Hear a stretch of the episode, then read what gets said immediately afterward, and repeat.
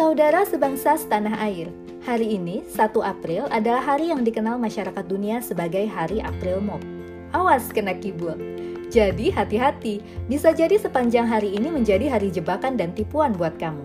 Ya, April Mop adalah hari yang lekat dengan menyampaikan lelucon, berita bohong, atau mengerjai teman. Banyak negara merayakan hari istimewa ini, bahkan surat kabar dan media pun kadang berpartisipasi dengan tajuk utama atau berita palsu untuk mengerjai pembaca. Tetapi semuanya memiliki tujuan yang sama, membuat seseorang merasa ditipu atau dikerjai. Di Prancis misalnya, orang yang berhasil dikerjai disebut poisson d'avril atau berarti ikan April, mengacu pada ikan kecil yang mudah ditangkap, tulis Tirto. Umum bagi anak-anak di Prancis untuk menyematkan ikan kertas di punggung teman untuk mengerjai mereka.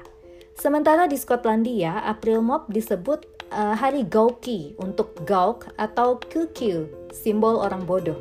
Biasanya akan bermunculan tulisan tendang aku atau lempari aku dengan makanan dipasang di punggung teman. Ada banyak versi soal asal-usul munculnya April Mop.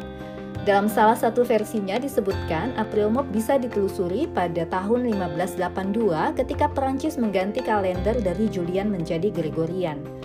Pada abad pertengahan, tahun baru dirayakan pada tanggal 25 Maret di seluruh Eropa. Di sejumlah lokasi di Prancis, perayaannya bahkan hingga 1 April. Setelah Raja Charles ke-9 mengganti kalender, tahun baru dipindah jadi 1 Januari. Mereka yang tetap merayakan tahun baru di musim semi atau lupa soal pergantian kalender itu dijuluki Poisson d'Avril atau April Fish, simbol orang yang gampang dikibuli. Jadi, waspadalah, jangan sampai kena kibul ya. Semenit jadi pundit.